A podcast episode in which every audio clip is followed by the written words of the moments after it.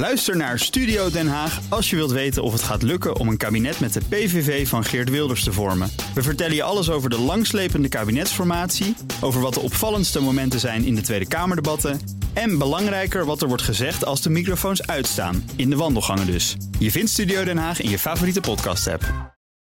De column van Paul Lasseur. Voor chauvinisten was het een topweek.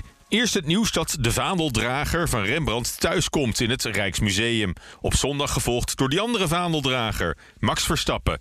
Die in Abu Dhabi als eerste Nederlander ooit wereldkampioen werd in de Formule 1. Alle zorgen over pandemie en knellende coronamaatregelen waren even vergeten. Langs het circuit zelfs letterlijk, als je die kolkende menigte Oranje-fans daar zag hossen. Schouder aan schouder, uitzinnig van vreugde over deze unieke en historische gebeurtenis. Het mocht ook best wat kosten, want hoe vaak komt zo'n kans voorbij? Misschien maar eens in een mensenleven. Dat is meemaken en erbij zijn. Dan moet je ook niet zeuren. Dus hup, 175 miljoen euro neertellen voor een schilderij. Bijna volledig met overheidsgeld. En hup, een ticket boeken naar de Verenigde Arabische Emiraten. Om het Formule 1 miljardencircus van dichtbij te beleven. Je leeft tenslotte maar één keer.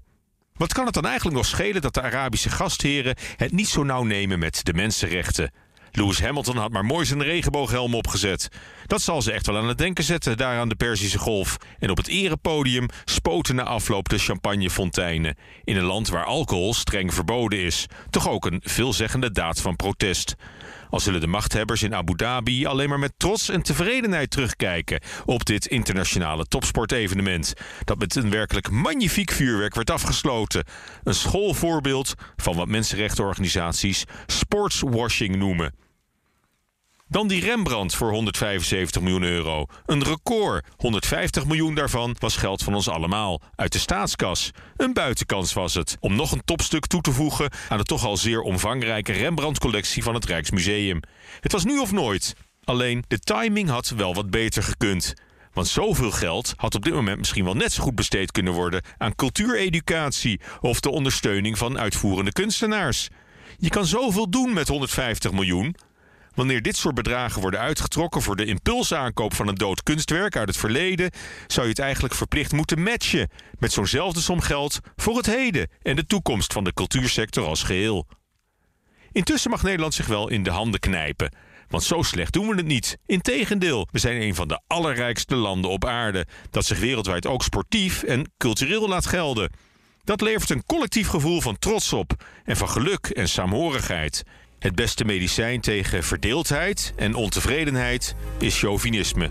Want winnen doe je samen. Prettige maandag.